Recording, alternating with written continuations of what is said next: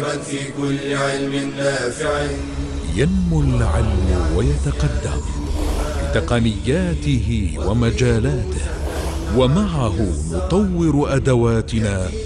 في تقديم العلم الشرعي أكاديمية زاد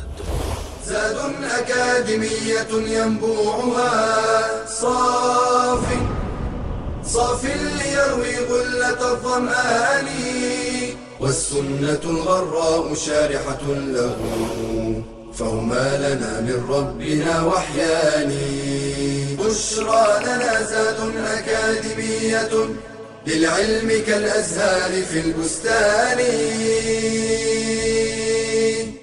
بسم الله الرحمن الرحيم الحمد لله والصلاة والسلام على رسول الله وعلى آله وصحبه ومن والاه أما بعد سلام الله عليكم ورحمته وبركاته أسأل الله العظيم رب العرش الكريم بأسمائه وصفاته أن يرزقنا جميعا علما نافعا ورزقا واسعا وشفاء من كل داء. اليوم أيها الأحبة مع الحديث العاشر حديث أبي هريرة رضي الله عنه عن الرسول صلى الله عليه وسلم أنه قال: من كان يؤمن بالله واليوم الآخر فليقل خيرا أو ليصمت. ومن كان يؤمن بالله واليوم الآخر فليكرم جاره ومن كان يؤمن بالله واليوم الآخر فليكرم ضيفه متفق عليه آه، شرح المفردات يقول من كان يؤمن هذه جملة اشتراطية أو شرطية جوابها فليقل خيرا أو ليصمت والمقصود بهذه الصيغة الحث والإغراء على قول الخير أو السكوت والخير نوعان خير في المقال نفسه وخير في المراد به اما الخير الذي في المقال فانه يذكر الله عز وجل ويسبح ويحمد ويقرا القران ويعلم العلم ويامر بالمعروف وينهى عن المنكر هذا هذا كان ايش الخير الذي في القول اما الخير الذي في غيره كان يقول قولا مباحا ليس خيرا في نفسه لكنه من اجل ادخال السرور على جلسائه فإن هذا خير لما يترتب عليه من الأنس وإزالة الوحشة وحصول الألفة والصمت كله خير إذا كان الكلام من فضة فالسكوت من ذهب كما يقولون والصمت كله خير وقد قيل إذا تم العقل نقص الكلام وقيل في الصمت هو زينة بدون حلية وهيبة بدون سلطان وحصن بدون حائط قال الشاعر رأيت الكلام يزين الفتى والصمت خير لمن قد صمت فكم من حروف تجر الحتوف ومن ناطق ود أن لو سكت وقوله من كان يؤمن بالله واليوم الآخر فليكرم جاره أي جاره في البيت والظاهر أنه يشمل حتى جاره في العمل لكن هو في جار البيت أظهر وكلما قرب الجار منك كان حقه أعظم أيها الأحبة الأفاضل هذا الحديث ثلاث فوائد عظيمة وكل فائدة تحتاج إلى لقاءات متعددة لكن كما يقولون يكفي بالقلادة ما أحاط بالعنق أولا قبل أن نخوض أو نتكلم في هذه الأمور الثلاثة قضية حرص النبي صلى الله عليه وسلم على تعزيز الايمان بالله واليوم الاخر انت عبد لله سبحانه وتعالى وإن طال الزمان بك وإلا قصر ستوافي ربك يوم القيامة ستوافيه الآن بموتك لكن يوم القيامة للحساب ولا هناك مفر أبدا من الورود على الله سبحانه وتعالى ولذلك النبي دائما يربط المسلم بربه في أفعاله كلها دائما من كان يؤمن بالله واليوم الآخر من كان يؤمن بالله واليوم الآخر اذا عندك ايمان بالله هذا الايمان سيكون له اثر عظيم على سلوكك وعلى اخلاقك وعلى تعاملك وعلى بيعك وعلى شرائك وعلى ليلك وعلى نهارك وعلى سفرك وعلى حلك وعلى منشطك وعلى مكرهك سيكون الايمان بالله مسيطر عليك تماما واعظم نعمه اعظم نعمه ان المسلم دائما يستشعر ان الله معه ان الله ينظر اليه ان الله يعلم حاله ان الله يسمع كلامه ان الله مطلع عليه ومعه اينما كان وهو معكم اينما كنتم ولذلك اعظم اعظم محفز واعظم موجه واعظم مرغب الله سبحانه وجل في علاه الايمان بالله عز وجل الايمان بالله يعني قد يكون هناك محفزات دنيويه مال وظيفه شهاده مرتبه وتجد الانسان يستميت من اجلها اما تستميت من اجل الله عز وجل اما تستميت من اجل جنه عرضها السماوات والارض اما تستميت في آه، قضيه حتميه لازمه لك ستوافيها شئت ام ابيت لذلك ايها الاحبه دائما النبي صلى الله عليه وسلم يربط الناس البشر بالله وهذه وهذا اعظم رابط والله اعظم رابط ان نرتبط بالله في كل امورنا الله يحب هذا الله يكره هذا الله ي... مثلا يعطي على هذا الشيء الكثير الله يغضب من هذا الشيء شيئا كثيرا وهكذا وهكذا فالمحفز والموجه والمرغب هو الله سبحانه وتعالى يعني بعض الناس لو تقول له مثلا العمل الفلاني لك 2 مليون لك شهادة ترقية لك بيت قصر تجد الواحد يستميت يستميت والله من اجل من اجل آه، يعني مبلغ زهيد او آه، ترقيه بسيطه اما اما تتحفز لله ولاجل الله ومرضاه الله والله معك والله ينظر اليك والله معك اينما كنت والله ينعم عليك في كل لحظه نعم لا تتخيلها نعم لا تحصى نعم عقلك لا يستشعرها لذلك ايها الاحبه نحن فقراء الى الله نحن عاله نحن عجزه نحن ضعاف نحن نحن لا نملك شيء اصلا النفس يدخل من انفك ويخرج والله وبالله وتالله لا لك قدره لا في ادخاله ولا في اخراجه قلبك ينبض الان قلبك ينبض من الذي ينبضه دماؤك تجري من الذي يجريها البنكرياس يعمل من الذي يعمله الكبد تعمل من الذي يشغلها الكلى تنقي من الذي يجعلها تنقي في لحظة كل شيء يسحب يسحب منك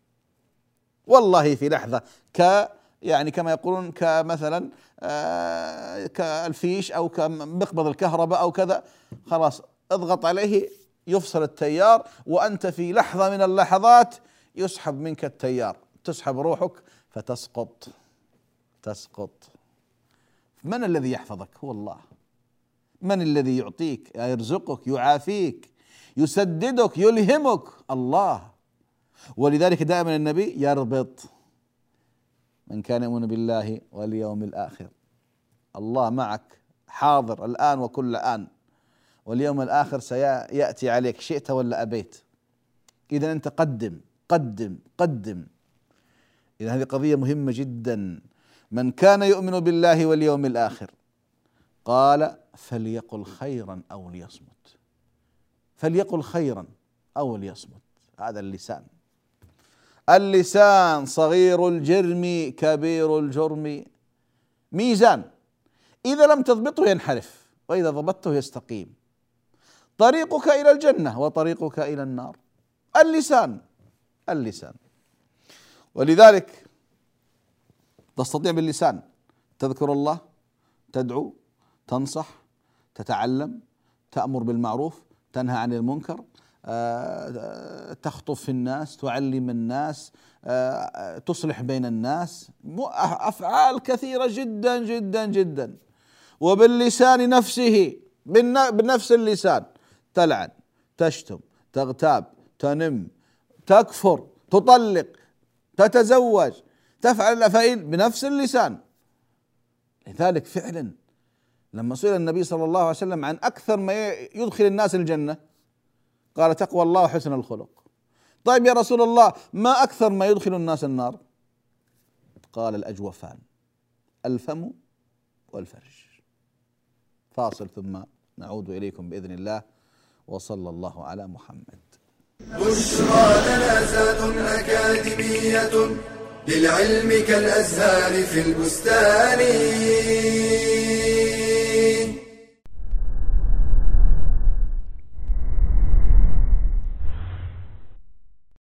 هل تحمل هم نفقات تطاردك ولا تستطيع تلبيتها؟ هل فكرت في أي حلول لسد هذه النفقات؟ أم أن أول ما تفكر فيه هو الاستدانة؟ فلتسأل نفسك هل سأقترض لأمر ضروري؟ هل وقت الاقتراض مناسب؟ هل المبلغ الذي سأقترضه سيؤثر على ميزانية الأسرة؟ كيف سيسدد الدين؟ وكم سيستغرق من الوقت؟ واعلم أن الدين وإن كان جائزا إلا أن أمره خطير ولذلك استعاذ منه النبي صلى الله عليه وسلم فقال اللهم إني أعوذ بك من المأثم والمغرم كما انه صلى الله عليه وسلم لم يصل على من مات وعليه دين فلا ينبغي لعاقل ان يورط نفسه في الدين لامور ترفيهيه او تكميليه لان الدين يصيب بالهم والغم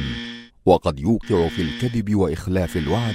والمشكلات الاسريه ويستحب للدائن ان يخفف عن المدين وقد وعد الله المقرض اجرا عظيما على تفريجه كربه مسلم ولا يجوز للمدين أن يماطل في رد الحقوق مع القدرة ولتعلم أن النية الصالحة سبب في قضاء الدين ففي الحديث من أخذ أموال الناس يريد أداءها أدى الله عنه ومن أخذ يريد إتلافها أتلفه الله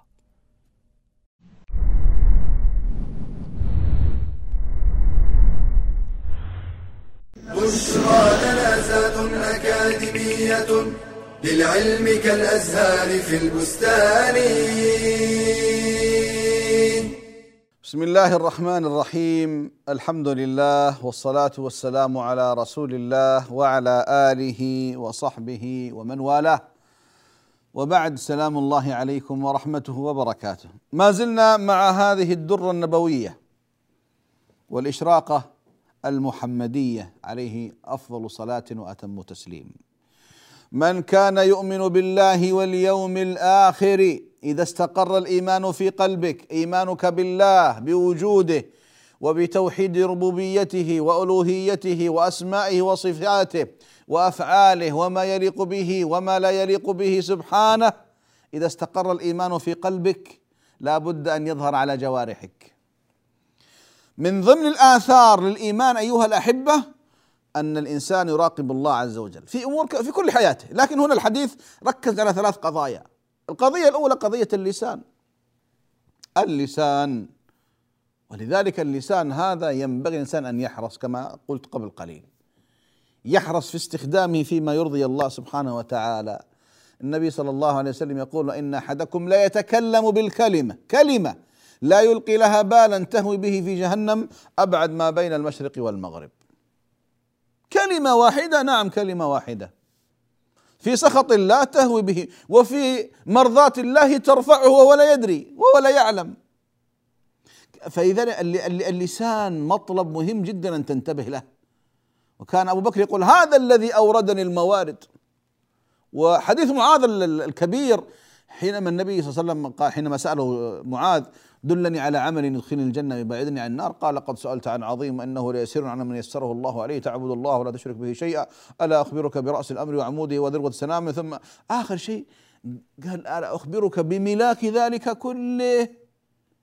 قلت بلى يا رسول الله أخذ بلساني وقال كف عليك هذا أمسك لسانك يا معاذ أمسك لسانك معاذ يقول أو إنا لمؤاخذون بما نتكلم يا رسول الله قال ثقلتك أمك يا معاذ وهل يكب الناس على مناخرهم في النار إلا حصائد ألسنتهم وين أنت يا معاذ وينك بعض الناس يقول لك يا أخي اللسان ما تحته شوكة لا لا أبشرك اللسان فيه اثنين متابعينك من الملائكة بل والله جيش من الملائكة يتابعك ما يلفظ من قول إلا لديه رقيب عتيد والله جيش من الملائكه يقول صلى الله عليه وسلم يتعاقبون عليكم ملائكه بالليل وملائكه بالنهار الكتبه فيجتمعون في صلاه الفجر وفي صلاه العصر فإذا عرج الذين باتوا فيكم سألهم الله كيف تركتم عبادي فيقولون أتيناهم وهم يصلون وتركناهم وهم يصلون حالك وقولك وفعلك مقيد ووضع الكتاب فترى المجرمين مشفقين مما فيه ويقولون يا ويلتنا ما لهذا الكتاب لا يغادر صغيرة ولا كبيرة إلا أحصاها ووجدوا ما عملوا حاضرا ولا يظلم ربك أحدا أحدا انتبه لا يظلم الله سبحانه وتعالى ولذلك اللسان ينبغي أن ننتبه لها أيها الأحبة انتبهوا لكلامكم وقل لعبادي يقول التي أحسن إن الشيطان ينزغ بينهم خذ مثال بس خذ مثال بسيط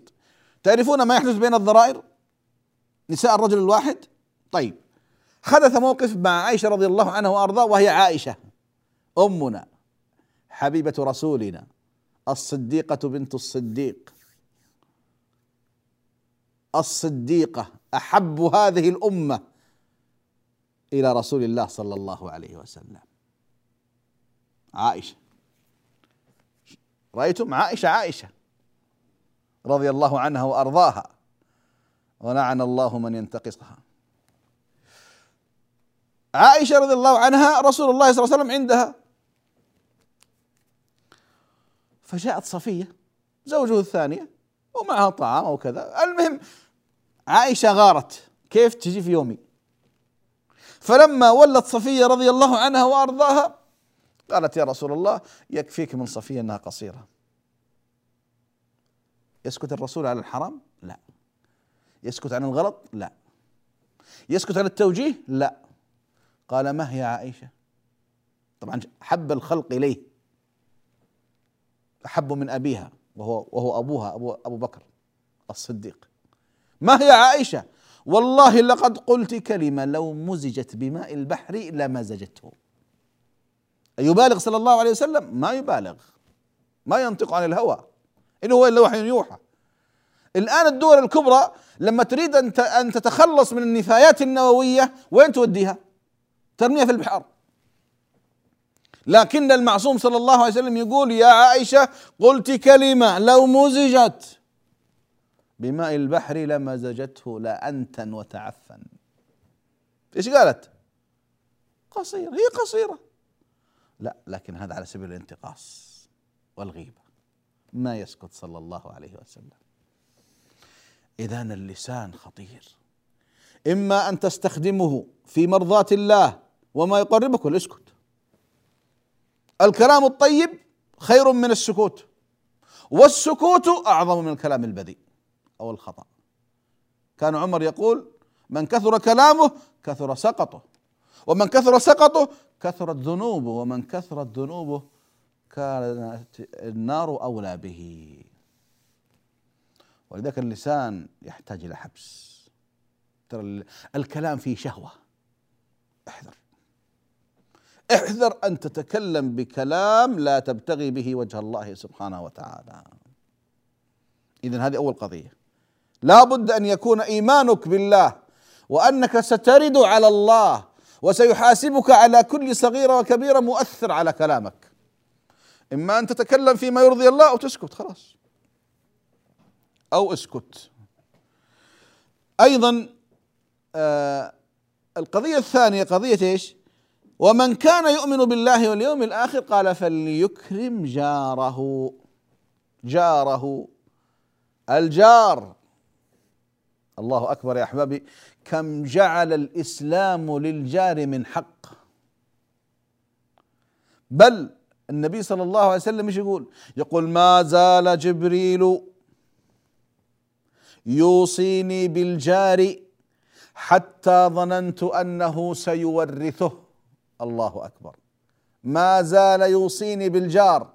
يوصيني يوصيني حتى ظننت انه سيورثه اي سيجعل له نصيبا من ارث جاره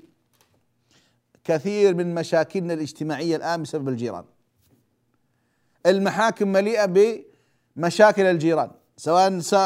المشاكل في البيت ولا في الارض ولا في قدام بعض بعضهم البعض والا في عماره واحده ومشاكل وربما قتل وربما اين حق الجار؟ يا اخي انتقصني يا اخي اوقف سيارته امام منزلي يا اخي ازعجني اين حق الجار؟ بس اين حق الجار؟ يا اخي كيف ياذيني؟ اين حق الجار؟ انتبه ذكر نفسك بهذا ذكر نفسك بهذا العرب في الجاهلية كانوا يعظمون الجار والجوار وكانوا يقولون الجار قبل الدار الجار قبل الدار وأيضا آه الجار ولو جار حديث آسف مثل الجار ولو جار لذلك جارك له عليك حق ايش؟ أن تحسن إليه أن تكف أذاك عنه أن تتحمل أذاه حق له إذا أذاك أن تتحمل أذاه تقربا إلى الله سبحانه وتعالى ولما ترى النبي صلى الله عليه وسلم في معاملته والسلف الصالح وكيف أنه في جار له حق وجار له حقان وجار له ثلاثة حقوق أما جار الذي له حق فهو الكافر شوف كافر يهودي نصراني له حق جارك جارك له عليك حق يهودي نصراني له عليك حق طيب الجار له حقان جار المسلم له حق الجوار وله حق الإسلام القريب ثلاثة حقوق حق الجوار حق الإسلام حق القرابة لذلك أقول أيها الأحبة ينبغي أن نهتم بهذه القضية نكرمهم ما هو نتحملهم لا نكرمهم ولو جاء أكرم فليكرم جاره إكرام حتى إذا إذا طبخت مرقة ولا شيء أكثر ماء كما يقول النبي لأبي ذر وتعاهد جيرانك جاء رجل النبي صلى الله عليه وسلم قال يا رسول الله إن لي جاري يؤذيني قال أصبر المرة الثانية يا رسول الله جاري يؤذيني قال اصبر المرة الثالثة قال أخرج متاعك إلى قارعة الطريق اخرج الرجل متاعه الى قارعه الطريق كل ما جاء رجل ايش عندك خير قال والله جاري اذاني قالوا لعنه الله جاء الثاني ايش قال والله جاري اذاني قالوا لعنه الله الرجل سمع الناس يلعنونه ذهب الى رسول الله يا رسول الله الناس يلعنونني قال ان الله لعنك قبل ان يلعنك الناس ان الله لعنك قبل ان يلعنك الناس قال يا رسول الله لا اعود فذهب الرجل واستسمح منه يا اخواني تخيل ان الله لعنك قبل ان يلعنك الناس لانك اذيت جارك اذيت جارك ولذلك في الحديث ان الرجل لا يسرق من سبعه بيوت اهون عند الله من ان يسرق جاره ومن كالكبائر والعياذ بالله ان يزاني الرجل بحليله جاره مصيبه كارثه جارك يجب عليك ان تكرمه تتلطف معه تكف اذاك عنه ان حصل تتحمل فاصل ثم نعود اليكم وصلى الله على محمد بشرى جنازات اكاديميه للعلم كالازهار في البستان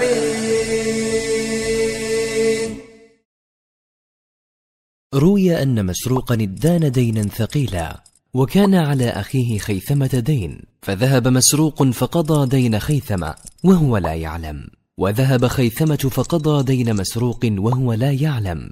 إنه الإيثار أعلى منازل الكرم والسخاء وأسمى مراتب البذل والعطاء خلق يبعث على المودة والرحمة ويدل على الصفاء والنقاء امتدح الله به أصحاب نبيه صلى الله عليه وسلم من الأنصار فقال والذين تبوأوا الدار والإيمان من قبلهم يحبون من هاجر إليهم ولا يجدون في صدورهم حاجة مما أوتوا ويؤثرون على أنفسهم ولو كان بهم خصاصة وللإيثار فوائد عظيمة وثمار جليلة منها انتشار التعاون والتعاضد بين المسلمين جلب البركة ونماء الخير وتحقيق الكفاية المادية في المجتمع كمال الايمان وحسن الاسلام الوصول الى محبه الله ورضوانه حصول الالفه والمحبه بين الناس البعد عن صفات الشح والاثره من علامات الرحمة التي توجب لصاحبها الجنة ويعتق بها من النار فهنيئا لمن تزين بهذا الخلق الكريم وأصبح ممن قال الله فيهم ومن يوق شح نفسه فأولئك هم المفلحون بشرى لنا أكاديمية للعلم كالأزهار في البستان بسم الله الرحمن الرحيم الحمد لله والصلاة والسلام على رسول الله وبعد ما زلنا مع هذه الأمور الثلاثة التي ربطها النبي صلى الله عليه وسلم بالإيمان بالله معنى الإيمان إيش؟ أن تصدق أن تؤمن إيمان يقين بالله وباليوم الآخر إذا نحن توقفنا عند الإكرام الجار إكرام الجار إكرام الجار بالإحسان إليه لا بأذيته إكرام الجار بالتودد إليه لا بإغضابه إكرام الجار بأنك آه، أنك تؤدي إليه ما يحب لا ما يغضبه الجار ولو جار ذكر النبي صلى الله عليه وسلم امرأة تقوم الليل وتصوم النهار وتتصدق بالأموال الكثيرة لكنها تؤذي جيرانها قال هي في النار وذكر للنبي صلى الله عليه وسلم امرأة لا تصوم إلا الفرض ولا تصلي إلا الفرض ولا تتصدق إلا بالقليل لكنها لا تؤذي جيرانها قال هي في الجنة هي في الجنة لذلك يقولون كان لأحدهم جار سوء فقيل له أبعت دارك قال بعت جاري ما بعت الدار وكان لأبي الأسود الدؤلي بيت كبير فباعه بثمن بخس فلامها الناس قال يلومونني ان بعت بالرخص منزلي ولم يعلموا جارا هناك ينغص فقلت لهم كفوا الملام فانه بجيرانها تغلو البيوت وترخص بل والله ان الجوار يشرع قيل كان لابن المبارك رجل يهودي وكان له جار وكان يريد ان يبيع بيته اليهودي بكم تبيع البيت يا يهودي قال بألفي دينار قالوا البيت لا يسوى إلا ألف دينار قال نعم ألف دينار قيمة البيت وألف دينار قيمة جوار ابن المبارك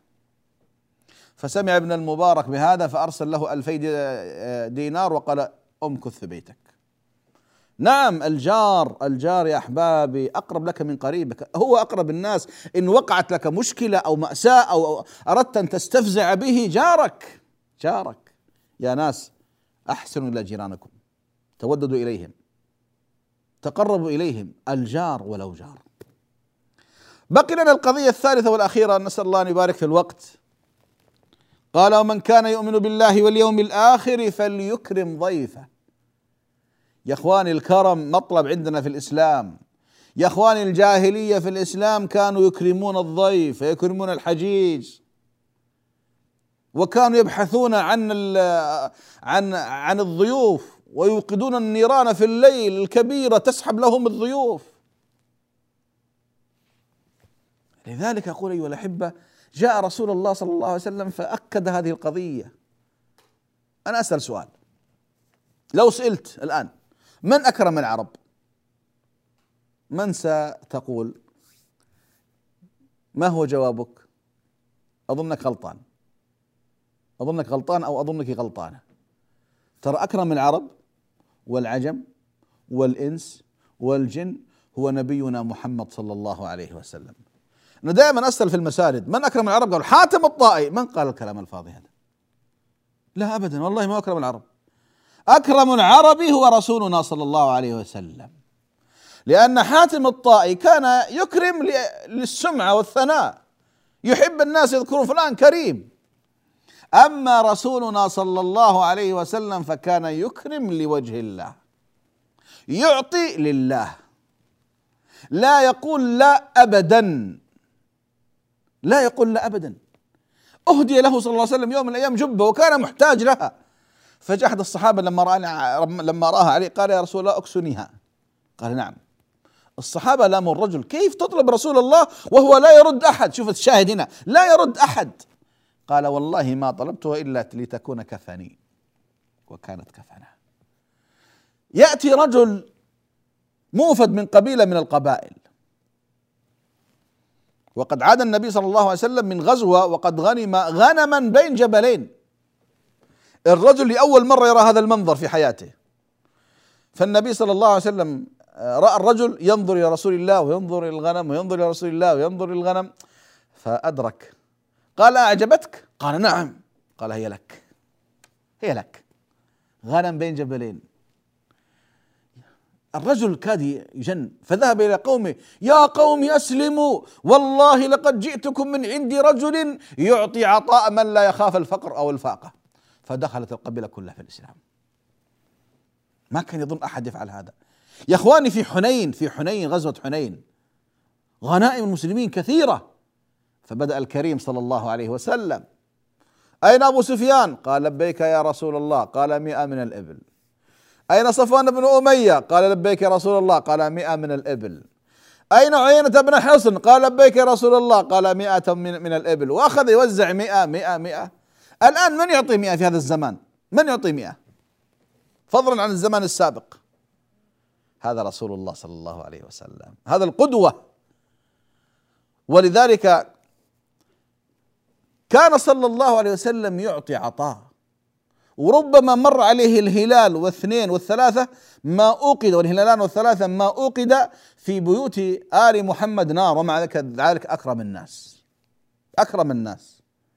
يأتيه ضيف فلا يجد ما يكرمه أو يطعمه فيقول من يستضيف ضيف رسول الله فينبل الصحابة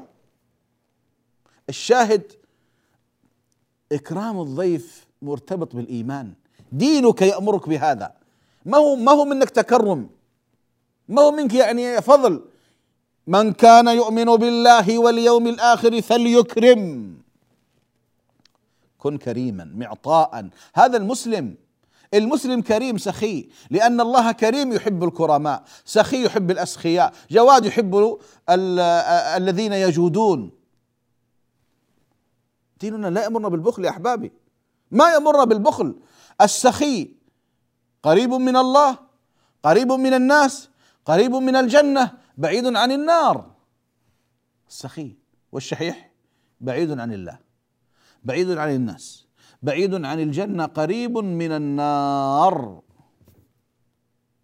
ولجاهل سخي احب الى الله من عابد بخيل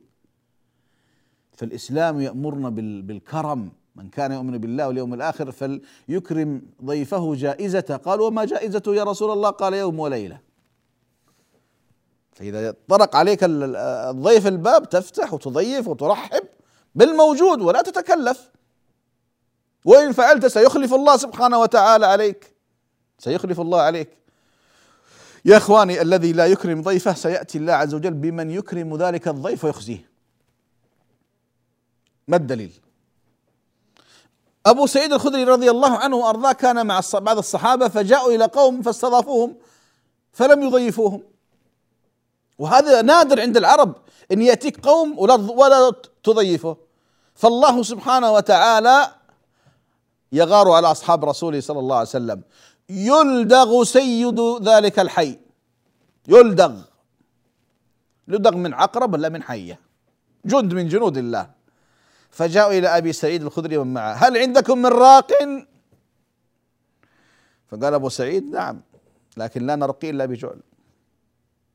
لا نرقي إلا بجعل أنتم ما أضفتونا ونحن نعاملكم بالمثل